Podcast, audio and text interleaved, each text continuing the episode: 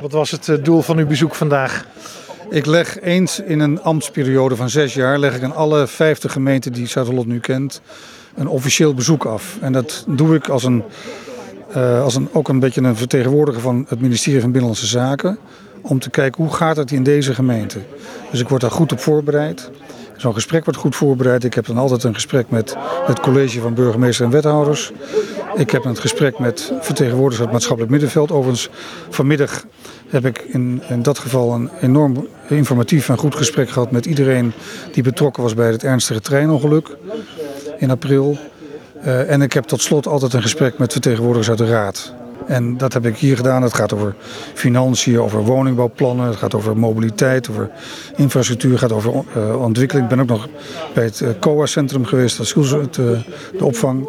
Dus ik heb een goede indruk gekregen van hoe de zaken ervoor staan en voorschoten.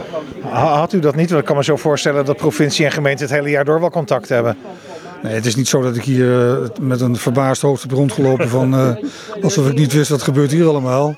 Maar ik, ik kom nu zeg maar in een, in een wat officiëlere rol. Ik kom wel vaker en de burgemeester spreek ik ook wel vaker. Maar het is echt een goede manier om eens even goed met elkaar stil te staan bij hoe staat een zaak hiervoor. Dus met een breedheid van onderwerpen.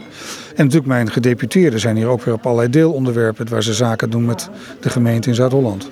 Ik hoorde u net zeggen, in zo'n gesprek komt dan ook aan de orde, nou ja, elkaars rol. Hè? We moeten als provincie ook wel eens nee zeggen. Waar heeft u vandaag nee tegen gezegd? Ik geloof niet dat ik nee gezegd heb. Ik heb wel met. Nou, nou goed, weet je, je hebt uh, ook Voorschoten heeft ideeën en plannen waar de provincie voor nodig heeft en andersom. En dan gaat het erom hoe weet je elkaar in deze complexe tijd goed te vinden. En ik vind dat wij als verschillende overheidslagen de plicht hebben om als één overheid op te treden en waar mogelijk elkaar van dienst te kunnen zijn. Daarbij gaat het om de provincie. Luister goed naar wat in de gemeente leeft. Ik zeg ook altijd, die gemeenten, die noem ik het kloppend hart van onze samenleving. Daar wonen en werken wij, daar hebben we lief, daar rouwen en trouwen wij. Daar voeden we onze kinderen op. Dus het kloppend hart van onze samenleving is daar waar mensen wonen. Dat zijn gemeenten. Daar vindt het echte leven plaats. Dus ook alles wat wij met elkaar bedenken moet erop gericht zijn om wat ik noem de zuurstoftoevoer naar het kloppende hart optimaal mogelijk te maken.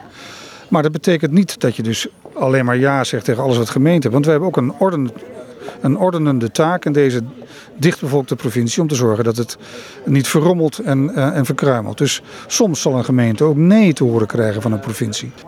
U bent uw laatste jaar ingegaan. Ja. Voelt het nog anders? Nee, maar ik ben wel blij dat ik dat, de, de, de beslissing genomen heb. Dat ik er ook uh, zeg maar, geen geheimzinnige antwoorden op hoef te geven. Ik heb twee weken geleden of anderhalf weken geleden aangekondigd. Ik ben hier 1 januari 10 jaar. Een lange tijd. Ik heb het met enorm veel genoegen en plezier en inzet gedaan. Ik heb gezegd dat ik per 1 september komend jaar vertrek. En dan maak ik plaats voor een opvolger.